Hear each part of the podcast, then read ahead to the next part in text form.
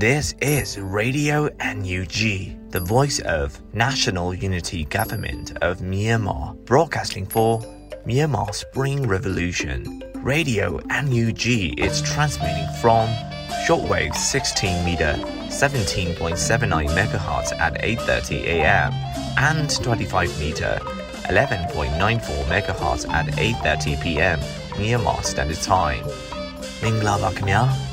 အမျိုးသားညီညွတ်ရေးအစိုးရရဲ့အတန်လွင့်ဌာန Radio NUG ကို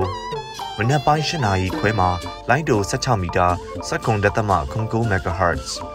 ညပိုင်း၈နာရီခွဲမှာလိုင်းတို25မီတာ17တက်သမ6 MHz တို့မှာဓာတ်ရိုက်ဖမ်းယူနိုင်နိုင်ပါပြီမင်္ဂလာအပေါင်းနဲ့ပြည့်စုံကြပါစေအခုချိန်ကစပြီး Radio NUG အစီအစဉ်တွေကိုဓာတ်ရိုက်အတန်မြင့်ပေးနေပါပြီ။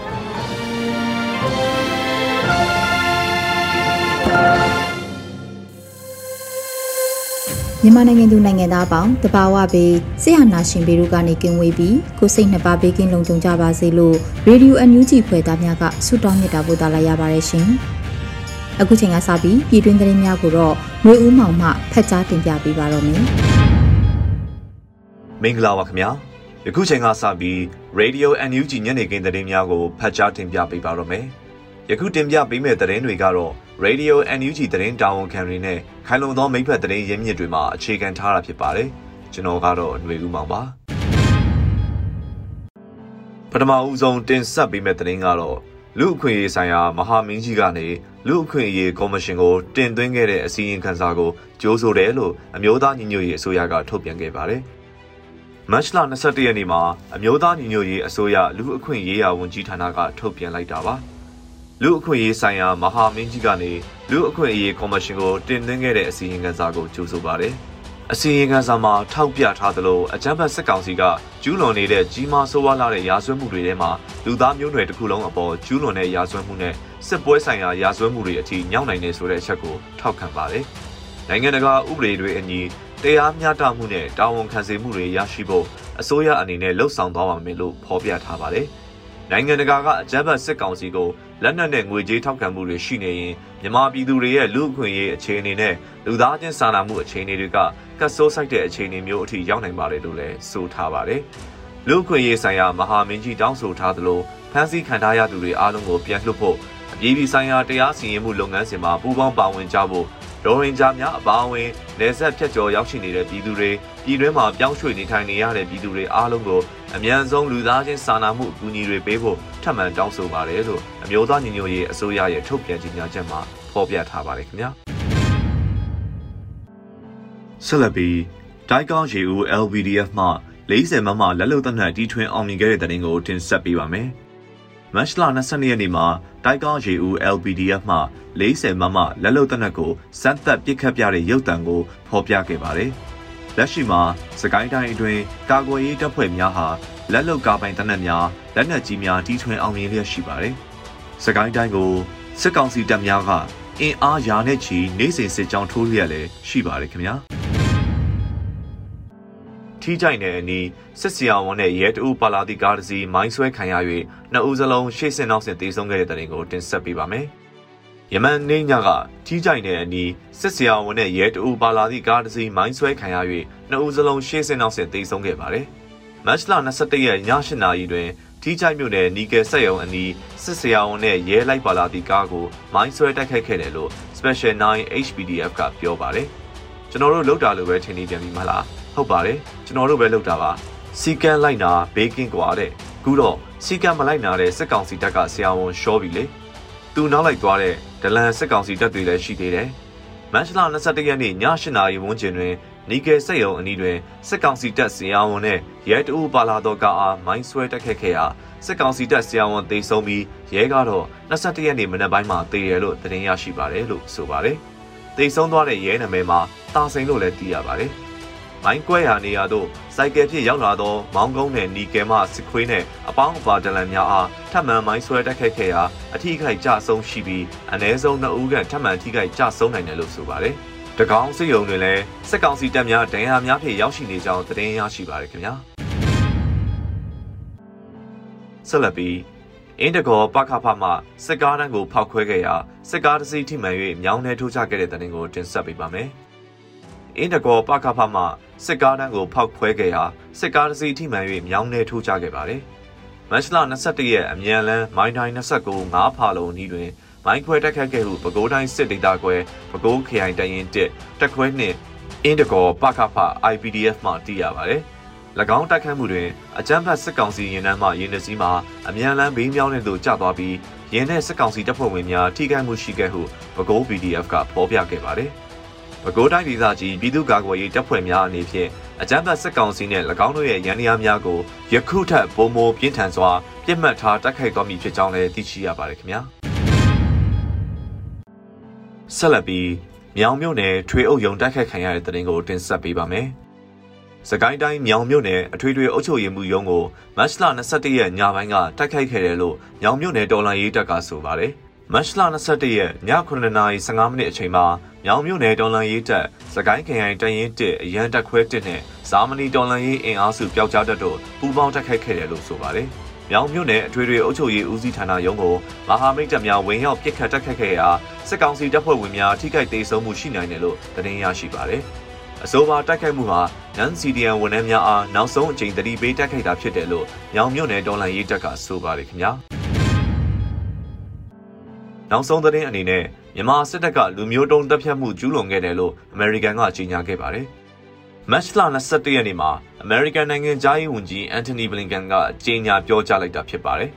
မြန်မာစစ်တပ်ဟာရိုဟင်ဂျာတွေအပေါ်လူမျိုးတုံးတပ်ဖြတ်မှုတွေနဲ့လူသားမျိုးနွယ်အပေါ်ကျူးလွန်တဲ့ရာဇဝတ်မှုတွေကိုကျူးလွန်ခဲ့တယ်လို့ကျွန်တော်ဆုံးဖြတ်ထားပါတယ်လို့အန်တိုနီဘလင်ကန်ကပြောကြားခဲ့ပါတယ်။အကြမ်းဖက်စစ်တပ်အနေနဲ့ရိုဟင်ဂျာတွေကိုလူမျိုးတုံးအောင် ဒါမှမဟုတ်တော်တော်များများကိုတပ်ဖြတ်ဖို့ကိုရည်ရွယ်ချက်ရှိရှိနဲ့လှုံ့ဆော်ခဲ့တာလို့ဆိုထားပါတယ်ခင်ဗျာ။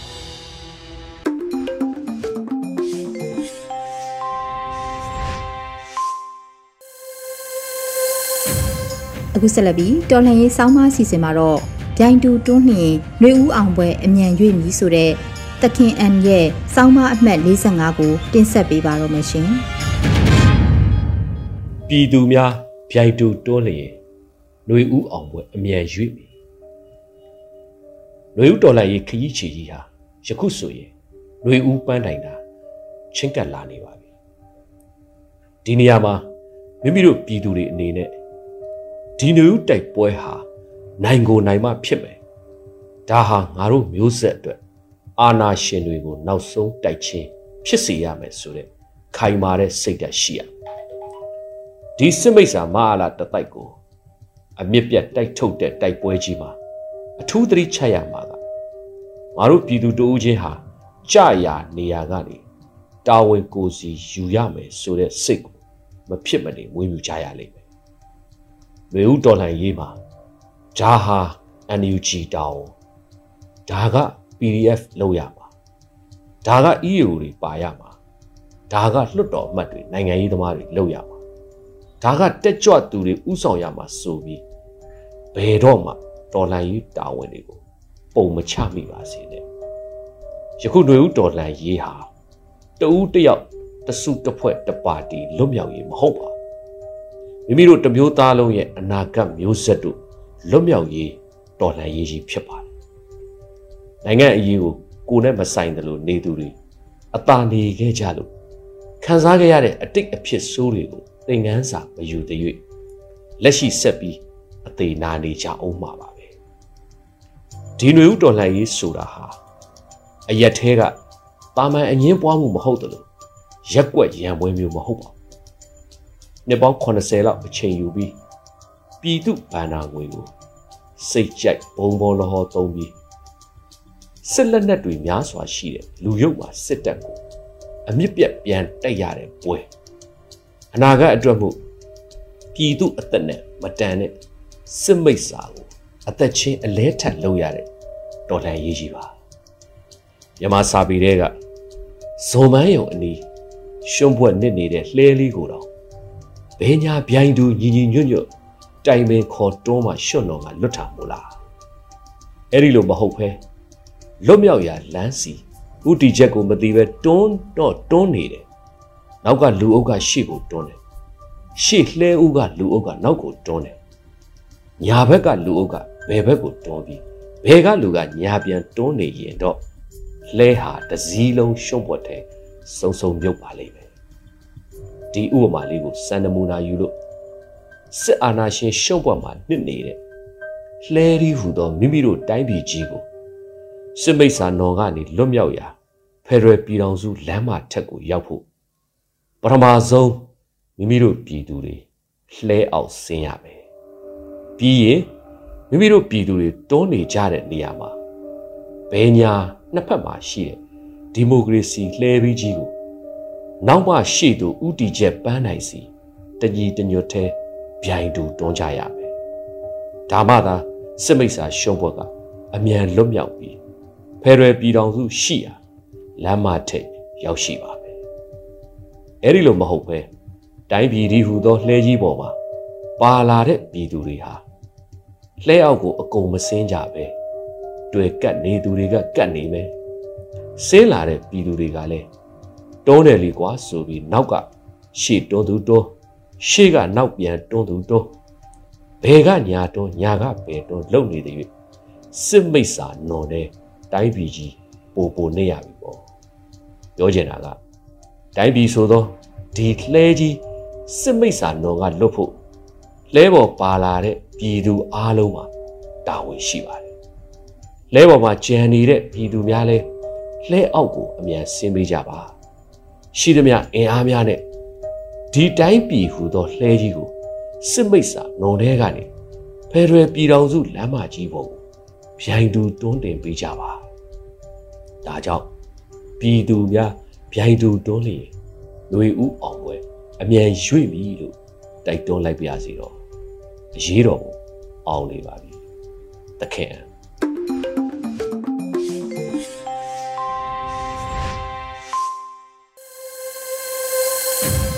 ဗီဒီယိုအန်ယူဂျီပရိသတ်တွေကိုဆက်လက်ပြီးတော်လှန်ရေးကြပြအစီအစဉ်နေနဲ့တင်ဆက်ပေးမှာကတော့ရန်သူထံအညံ့မခံအသေးခံပြန်တိုက်ခဲ့တဲ့မျိုးလိုအမည်ရတဲ့တော်လှန်ရေးကြပြကိုတော့မောင်နှန်းဝေဗမော်ကရေးသားပြီးနှွေဦးမှုမှဖတ်ကြားတင်ပြထားပါတယ်ရှင်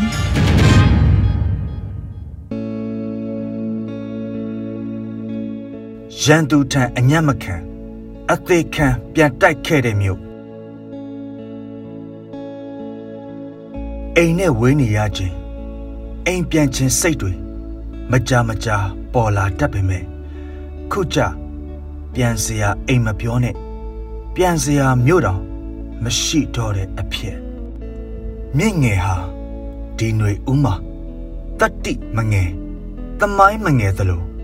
ဂုံလဲ မငယ်ခဲ့တဲ့မြို့အခုတော့တုတ်တန်တစပ်ပြင်းလို့6ကက်ကက်မြို့ပြက်ကြီးမြင့်ငယ်ကိုအာနာဓာထထနဲ့အစိမ့်တက်တက်အရှင်လက်လက်လှီးထုတ်ပစ်ခဲ့ကြဖို့ဒီအရက်မှာအရင်ကစီစီကာကာဖွင့်ဖွင့်ထွားထွားမြင့်ငယ်မျိုးဆိုတာရှိခဲ့ဘူးတာအမှန်ပဲရက်ကွက်73ရက်ကွက်အိမ်နဲ့ဆိုင်ခန်း 600နီးပါးအိမ်ထောင်စုပေါင်း2000လောက်လူဦးရေ8000ကျော်နှစ်ပေါင်း60ကျော်အခြေချခဲ့တဲ့နေရာအခုနှစ်ရက်အတွင်းအပီးဖြတ်ခိုင်းတာစာနာစိတ်ကင်းပြီးရက်ဆက်တဲ့အမိတ်စာတစ်ခုအောက်မှာဒဇစီပြိုပြက်ကွဲထွက်ကျိုးပဲ့ပြန့်ကျဲလွင့်စင်သွားရတဲ့ဘဝတွေ CDM လောက်ထားတဲ့ငါမိတ်ဆွေမိရထားဝန်ထမ်းကြီးအခုဘယ်ရောက်နေရှာပါလဲစကားအော်ချေအော်ချေပြောတတ်ပေမဲ့စိတ်တဘောကောင်းလုံးနဲ့အတော်ကြီးနဲ့သူ့မိသားစုရဲ့အိမ်လေးလဲဒီအပြက်အစည်းပုံကြီးတဲ့ပါသွားရှာပြီးမတိနားမလဲတက်သေးတဲ့ကလေးဘဝအရွယ်မှာမကြီးပင်ပေါ်ကစာငတ်ကလေးတွေရဲ့အတိုက်ကိုဝလုံးနဲ့ထိုးချမိတော့အမေက သူ့တပားရဲ့ဘယ်အတိုက်အမြုံပဲဖြစ်ဖြစ်မဖြတ်စည်းကောင်းဘူးဝက်လိုက်တတ်တယ်ဆိုပြီးတားမြစ်ဖူးတယ်စာငှက်မကြီးကကောက်ရိုးမြက်ချောက်တွေဒဇချင်းတပင်ချင်းခောက်တုတ်ခောက်ပြန်ချီတယ်ပြီးခက်ခက်ခက်ခဲအချင်းယူစောက်လုတ်ထားရတဲ့အတိုက်လေးပြီးတော့ငှက်တွေကမိသားစုလိုက်အတောင်ပေါက်ကာစ ကောင်းကောင်းမပြန်နိုင်သေးတဲ့ငှက်ပေါက်စလေးတွေနဲ့ခုဟာချငှက်မဟုတ်ချကောင်နဲ့ပရွက်အောင်လည်းမဟုတ်ဗုဒ္ဓဘာသာထွန်းကားပါတယ်ဆိုတဲ့တိုင်းပြည်ကလူတွေဒီຫນွေဦးတော်လန်ရေးအတွင်းမြို့ကိုစတေးလိုက်ရတယ်လို့ပြောရတော့မပေါ်ရန်သူထံ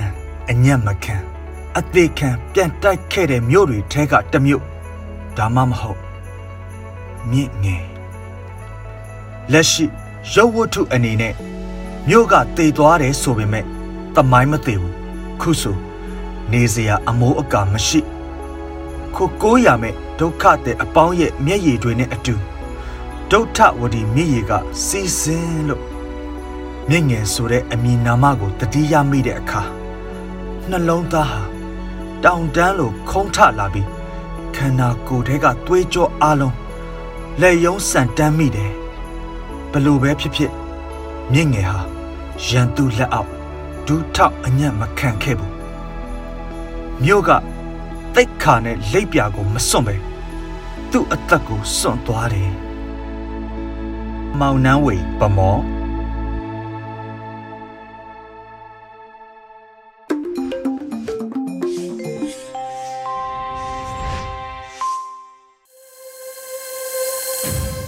အခုဆက်လက်ပြီးမမခဆောင်းပါစီစဉ်မှာတော့မက်လ22ရက်လူမျိုးတုံးတက်ဖြတ်မှုအဖြစ်သတ်မှတ်ခြင်းရင်းမပင်က PDF ကိုတက်ဖြတ်ခဲ့တဲ့အဖြစ်အပျက်ဆိုတဲ့မမခဆောင်းပါကိုတော့အဲရီမှဖတ်ကြားတင်ပြပေးပါမယ်ရှင်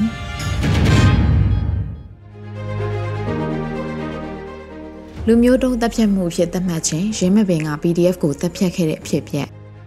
2018ခုနှစ်ဩဂုတ်လနဲ့စက်တင်ဘာလတွေမှာဖြစ်ပျက်ခဲ့တဲ့ရခိုင်ပြည်နယ်မြောက်ပိုင်းကရိုဟင်ဂျာမွတ်စလင်တွေပေါ်စစ်တပ်ရဲ့တပ်ဖြတ်မှုတွေကိုလူမျိုးတုံးတပ်ဖြတ်မှု genocide အဖြစ်အမေရိကန်ကမတ်လ20ရက်နေ့မှာကြေညာလိုက်ပါတယ်။ 2019ခုနှစ် NLD အစိုးရလက်ထက်ရိုဟင်ဂျာလက်နက်ကိုင်အဖွဲ့ဖြစ်တဲ့ ARSA ကဒါဇင်နဲ့ချီတဲ့ရဲစခန်းတွေကိုဩဂုတ်လ25ရက်နေ့မနက်အစောပိုင်းမှာတပြိုင်နက်တည်းတိုက်ခိုက်ခဲ့တဲ့ဖြစ်စဉ်ဖြစ်ပွားအပြီးရပ်ပိုင်းအတွင်းစစ်တပ်ကအင်အားအလွန်ကျွံသုံးပြီးရွာတွေကိုရှင်းလင်းရေးလှုပ်ဆောင်ရမှာလူထောင်ကနန်းကနေတသောင်းဝန်းကျင်အထိအသက်ဆုံးရှုံးခဲ့ရတဲ့ရုပ်ဆိုးလာတဲ့ဖြစ်ရပ်တွေဖြစ်ပွားခဲ့ပါတယ်။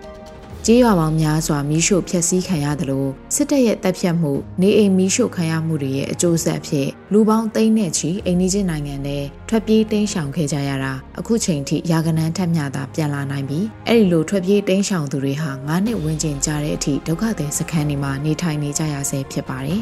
အဲ့ဒီအဖြစ်အပျက်နဲ့ပတ်သက်လို့နိုင်ငံတကာတရားရုံးမှာလည်းဂမ်ဘီယာနိုင်ငံကဂျားဝင်ဆွဲဆိုလျှောက်ထားလို့2019ခုနှစ်ကလေးကမြန်မာနိုင်ငံအစိုးရအနေနဲ့ဒေါ်အောင်ဆန်းစုကြည်ဦးဆောင်ပြီးရှောက်လဲကာကွယ်ခဲ့ပါတယ်။အဲ့လိုစစ်တပ်ရဲ့ကျူးလွန်မှုတွေကိုကာကွယ်ရှောက်လဲရက်တီပြောဆိုခဲ့လို့2018ခုနှစ်နောက်ပိုင်းဒေါ်အောင်ဆန်းစုကြည်ကိုအနောက်နိုင်ငံတွေကပေးအပ်ချီးမြှင့်ခဲ့တဲ့စုတစိတ်တွေပြန်ရုပ်သိမ်းခဲ့တာလည်းအများအပြားရှိခဲ့တာဖြစ်ပါတယ်။ 2018ခုနှစ်ဩဂုတ်လနဲ့စက်တင်ဘာလတွေမှာဖြစ်ခဲ့တဲ့လူသားမျိုးနွယ်ပေါ်ကျူးလွန်တဲ့တပ်ဖြတ်မှုတွေကိုလူမျိုးသုံးတပ်ဖြတ်မှုဖြစ်အမေရိကန်ကသတ်မှတ်ကြောင်း9နှစ်နီးပါးအကြာဒီနေ့မှာသတ်မှတ်လိုက်တာဖြစ်ပါတယ်။ဘာကြောင့်9နှစ်အကြာမှသတ်မှတ်ရတာလဲဆိုတဲ့အကြောင်းရင်းတော့ရှင်းရှင်းလင်းလင်းမရှိပေမဲ့ NLD အစိုးရအာဏာရှိစဉ်2018ခုနှစ်ကနေစစ်အာဏာသိမ်းတဲ့2021ခုနှစ်အစောပိုင်းအထိအယက်သားအစိုးရရဲ့စစ်တပ်ပေါ်ဩဇာမလွှမ်းမိုးနိုင်မှုကြောင့်လားဒါမှမဟုတ်တန်တမန်ရေးအရာငဲကွက်မှုလည်းဖြစ်ကောင်းဖြစ်နိုင်ပါတယ်မြန်မာနိုင်ငံမှာလူမျိုးရေးခွဲခြားမှုဘာသာရေးကိုအသုံးချပြီးနိုင်ငံရေးအကျိုးအမြတ်အလုံးကပြည်သူလူထုကိုစီယုံကလူမျိုးရေးဘာသာရေး အမုန်းတရားတွေဖြန့်ချီမှုတွေဟာဆယ်စုနှစ်နဲ့ချီရှိနေခဲ့တယ်လို့တိုင်းသားလူမျိုးစုတွေရဲ့ပြည်내နဲ့ပြည်မအစိုးရဒေသတွေကြားအခွင့်အရေးတန်းတူမညီမျှမှုတိုင်းသားအခွင့်အရေး Federal ကိုလက်မခံတဲ့စစ်အစိုးရအဆက်ဆက်ရဲ့ရည်တည်ချက်တွေကလူမျိုးမတူသူအချင်းချင်းကြားဘာသာမတူသူအချင်းချင်းကြားသွေးကွဲမှုတွေဖြစ်စေပြီးအဲ့ဒီအခြေအနေတွေကိုအာဏာရသူတွေကအစဉ်အဆက်အသုံးချခဲ့တာဖြစ်ပါတယ်။ ဒီနေ့သတင်းနေတဲ့တခြားသတင်းတစ်ပုဒ်ကတော့ရင်းမပင်တွေကဗိုလ်တမနီလို့ခေါ်တဲ့တပြေအေးဆရာတော်ဦးဆောင်တဲ့ရင်းမပင် PDF ကတခြားသောနေနီးချုပ်ဆက် PDF အဖွဲ့ဝင်တွေအပါအဝင်ကျေးရွာသူကျေးရွာသားစုစုပေါင်း22ဦးကိုပြီးခဲ့တဲ့နှစ်အောက်တိုဘာလကနေအခုနှစ်မတ်လအတွင်းတပ်ဖြတ်ခဲ့တဲ့ကိစ္စကိုစစ်မှုရေးရာပြည်မှုဆိုင်ရာစုံစမ်းရေးဗဟိုကော်မရှင်ကစုံစမ်းစစ်ဆေးနေတဲ့ကိစ္စဖြစ်ပါတယ်။ ဒီဖြစ်ကရင်းမဲ့ပင်နဲ့ဆက်ဆက်နေတဲ့ပလဲကနီစတဲ့နေတဝိုက်က PDF အဖွဲ့တွေနဲ့အရက်ဖက်အဖွဲ့အစည်းတွေစုပေါင်းပြီးမလ14ရက်နေ့စွဲနဲ့ထုတ်ပြန်ချက်တစ်စောင်ထုတ်လိုက်ရာကစလို့အများသိရှိခဲ့ကြရပြီးစုံစမ်းရေးကော်မရှင်ကစတင်စုံစမ်းစစ်ဆေးလာတာဖြစ်ပါတယ်။ လက်နက်ကိုင်အဖွဲ့တွေစူးစီးပြီးတဖွဲ့သေးသောအဖွဲ့ဖြစ်မဖွဲ့စည်းနိုင်သေးတာလဲနှွေဦးတော်လှန်ရေးလို့ခေါ်ကြတဲ့စစ်အာဏာရှင်စန့်ကျင်ရေးလှုပ်ရှားမှုရဲ့အားနည်းချက်ဖြစ်ကောင်းဖြစ်နိုင်ပါတယ်။ဒေသလိုက်ဖွဲ့စည်းကြတာပြည်နယ်တွေမှာလူမျိုးစုအလိုက်ဖွဲ့စည်းကြတာမျိုးဖြစ်ပြီးလက်နက်နဲ့အထောက်ပံ့ရိတ်ခါကိုလည်း၎င်းတို့ဘာသာ၎င်းတို့နှိုးဆော်ကောက်ခံကြရတာမျိုးဖြစ်ပါတယ်။ဒီလိုဒေတာလိုက်ဖွဲ့စည်းပေါ်ထွက်လာတာဟာတစ်ဖက်ကကြည့်ရင်လူတို့ရဲ့ပါဝင်မှုသူ့ဆန္ဒနဲ့သူပါဝင်ကြတာမို့အားသာချက်ဖြစ်ပါတယ်။တစ်ဖက်မှာလက်နက်ကိုင်အဖွဲ့အစည်းဖြစ်တာကြောင့် ရေရှည်မှာတော့လူမှုမုံနဲ့ကြောက်ရွံ့နဲ့ယွန်ရှာတဲ့လက်နက်ကိုင်အဖွဲ့အစည်းတရက်ဖြစ်မလာဖို့စီးမြင့်စည်းကမ်းတွေအမိန့်တွေအထက်အောက်နာခံမှုအမိန့်ညွှန်ကြားမှုစနစ် chain of command တခုပေါ်ထွက်လာဖို့မရှိမဖြစ်လိုအပ်မှာဖြစ်ပါတယ်။အချိန်ကာလလနဲ့ချီကြာမြင့်လာတဲ့အခါဒီစနစ်မပေါ်ထွက်နိုင်ခဲ့ရင်အခုရင်းမပင် PDF ကအနီးအနားက PDF တွေကိုတက်ဖြတ်တဲ့ကိစ္စလိုအဖြစ်အပျက်တွေကဖြစ်ပွားလာမှာအသေးချာပဲဖြစ်ပါတယ်။ လက်နက်ကင်အဖွဲ့ကိုအရက်သားလူထုကထောက်ပံ့ရမယ်ဆိုတော့အာဏာသုံးတောင်းခံတာမျိုးစိုးမိုးထားတဲ့ဒေသကိုအုပ်ချုပ်ရမှာတရားမျှတမှုတမတမတ်ကြမှုဥပဒေရေးရာနားလည်ကျွမ်းကျင်စွာနဲ့မျှမျှတတအုပ်ချုပ်ရမယ်အစားလက်နက်ကအာဏာအဖြစ်သာယူဆပြီးအာဏာနဲ့အုပ်ချုပ်တာလူခွင့်ရေးချိုးဖောက်ကျူးလွန်မှုတွေပိုင်ဆိုင်မှုတွေကိုရန်သူပစ္စည်းလို့အမည်တက်ပြီးသိမ်းယူတာတောင်းယူတာတွေလှုပ်ဆောင်လာတတ်ပါတယ်အခုဖြစ်ရကမြန်မာနိုင်ငံအချို့ဒေသတွေမှာဖြစ်ပွားနေစေ ဖြစ်ပွားနိုင်ခြေရှိတဲ့ဖြစ်ရပ်တွေအတွက်နမူနာပြလိုက်သလိုဖြစ်ပြီးအမျိုးသားညီညွတ်ရေးအစိုးရအနေနဲ့ဒီဖြစ်ရပ်တစ်ခုတည်းကိုစုံစမ်းစစ်ဆေးဆုံးဖြတ်ရုံနဲ့မကပဲဖြစ်ခဲ့ပြီးလူမသိသေးတဲ့ဖြစ်ရပ်ရှိရင်လည်းဖော်ထုတ်ဖို့နောက်နောက်အခုလိုဖြစ်ရပ်မျိုးမပေါ်ပေါက်အောင်စနစ်တရက်ရန်ရတရက်ချမှတ်လှုပ်ဆောင်မှုအရေးတကြီးလိုအပ်နေပြီလို့ထင်မြင်မိပါတယ်။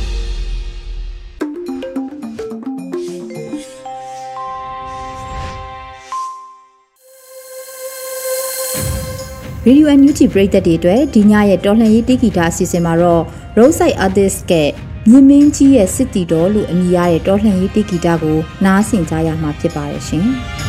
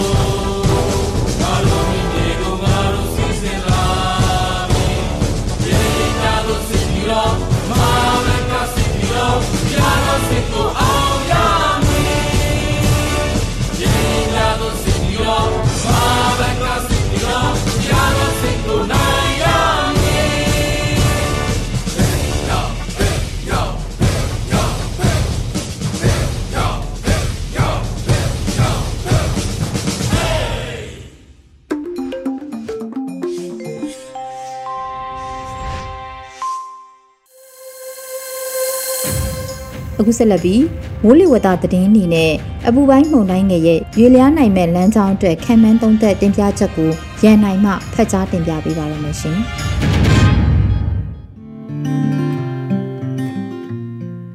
လက်ရှိအပူပိုင်းမုန်တိုင်းငယ်နဲ့ဆက်လက်၍မလ22ရက်နေ့လယ်12နာရီချိန်တိုင်းထွာချက်များအရာအေရီမျိုးဝကျွန်းပေါ်ဒေသကိုမော်တင်ဇွန်းထိတ်အနီးမှကက်လျက်ပြတ်ကျော်နေပြီး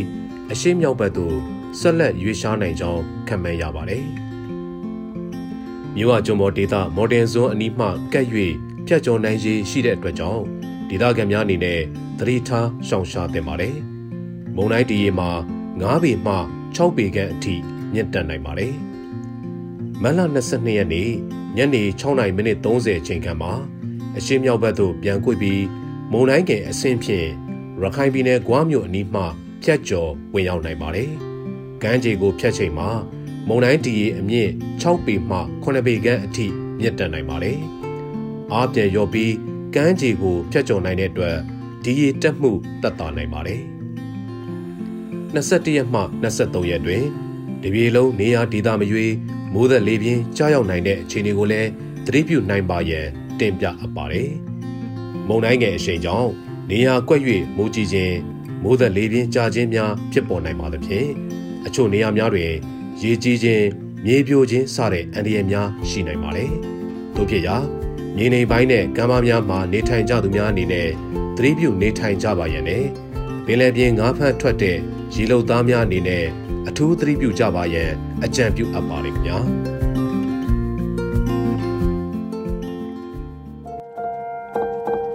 အမျိုးသားညီညွတ်ရေးအစိုးရလူသားချင်းစာနာထောက်ထားရေးနဲ့ဘေးအန္တရာယ်ဆိုင်ရာစီမံခန့်ခွဲရေးဝန်ကြီးဌာနကထုတ်ပြန်တဲ့မုံတိုင်းကာလအတွင်းပြည်သူများသတိပြုလိုက်နာဆောင်ရွက်ရန်အချက်များကိုတင်ပြပေးမှာဖြစ်ပါတယ်။မိုးရသည့်ကာလတွင်ပြည်သူများအနေဖြင့်သတိပြုလိုက်နာဆောင်ရွက်ရန်အတိပေးပန်ကြားခြင်းမုံတိုင်းဘေးဆိုင်ရာသတိပေးချက်မုံတိုင်းသတိပေးချက်ရလျင်ရေအစားအစာအရေးပေါ်အသုံးပစ္စည်းများနဲ့အရေးကြီးစာရွက်စာတမ်းများကိုမိမိနဲ့အတူထားပါ မိုးလေဝသသတင်းများကိုကြည့်ရှုနားထောင်ပြီးအကြံပြုချက်များကိုလိုက်နာပါဘေးလွတ်ရာနေရာသို့ပြောင်းရွှေ့ရန်လိုအပ်ပါကပြောင်းရွှေ့ခိုးလုံးပါမုံတိုင်းဘက်ဟိုဖြတ်တန်းနေစဉ်အတွင်းခိတလေးငိမ့်နေတော့လဲမကြမီအချိန်တွင်စန့်ကျင်ဘက်ရက်မှပုံမပြင်းထန်သည့်လေများတိုက်ခတ်နိုင်ကြောင်းသတိပြုပါရေကူးခြင်းရေထဲတွင်လမ်းလျှောက်ခြင်းမှရှောင်ခြင်းပါ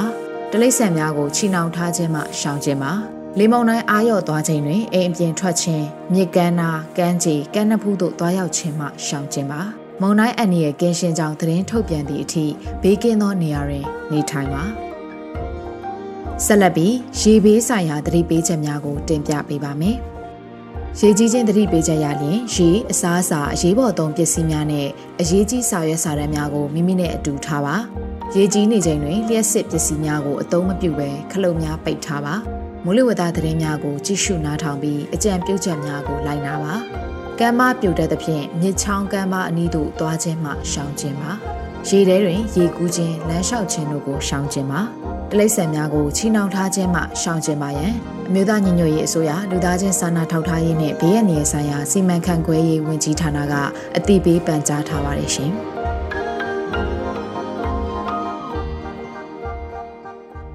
ဒီကနေ့ကတော့ဒီညနေပဲ Radio NUG ရဲ့အစည်းအဝေးကိုခਿੱတရနာလိုက်ပါမယ်။ မြန်မာစံတော်ချိန်မနက်၈နာရီခွဲနဲ့ည၈နာရီခွဲအချိန်တွေမှာပြန်လည်ဆုံးဖြတ်ကြပါစို့။ Radio NUG ကိုမနက်ပိုင်း၈နာရီခွဲမှာလိုင်းဒို16မီတာစက္ကန့်တသမ9 MHz ညပိုင်း၈နာရီခွဲမှာလိုင်းဒို25မီတာ17သမ6 MHz တို့မှာဓာတ်ရိုက်ဖမ်းယူနိုင်နိုင်ပါပြီ။မြန်မာနိုင်ငံသူနိုင်ငံသားများကိုစိတ်နှပြကျန်းမာချမ်းသာလို့ဘေးကင်းလုံခြုံကြပါစေလို့ Radio NUG အဖွဲ့သူအဖွဲ့သားများကဆုတောင်းလိုက်ရပါတယ်။အမျိုးသားညီညွတ်ရေးအစိုးရရဲ့စက်သွေးရေးတရင်အချက်အလက်နဲ့ဤပညာဝန်ကြီးဌာနကထုတ်လွှင့်နေတဲ့ Radio NUG ဖြစ်ပါတယ်။ San Francisco Bay Area အခြေစိုက်မြန်မာမိသားစုများနဲ့နိုင်ငံတကာကစေတနာရှင်များလုပ်အားပေးများရဲ့ Radio NUG ဖြစ်ပါတယ်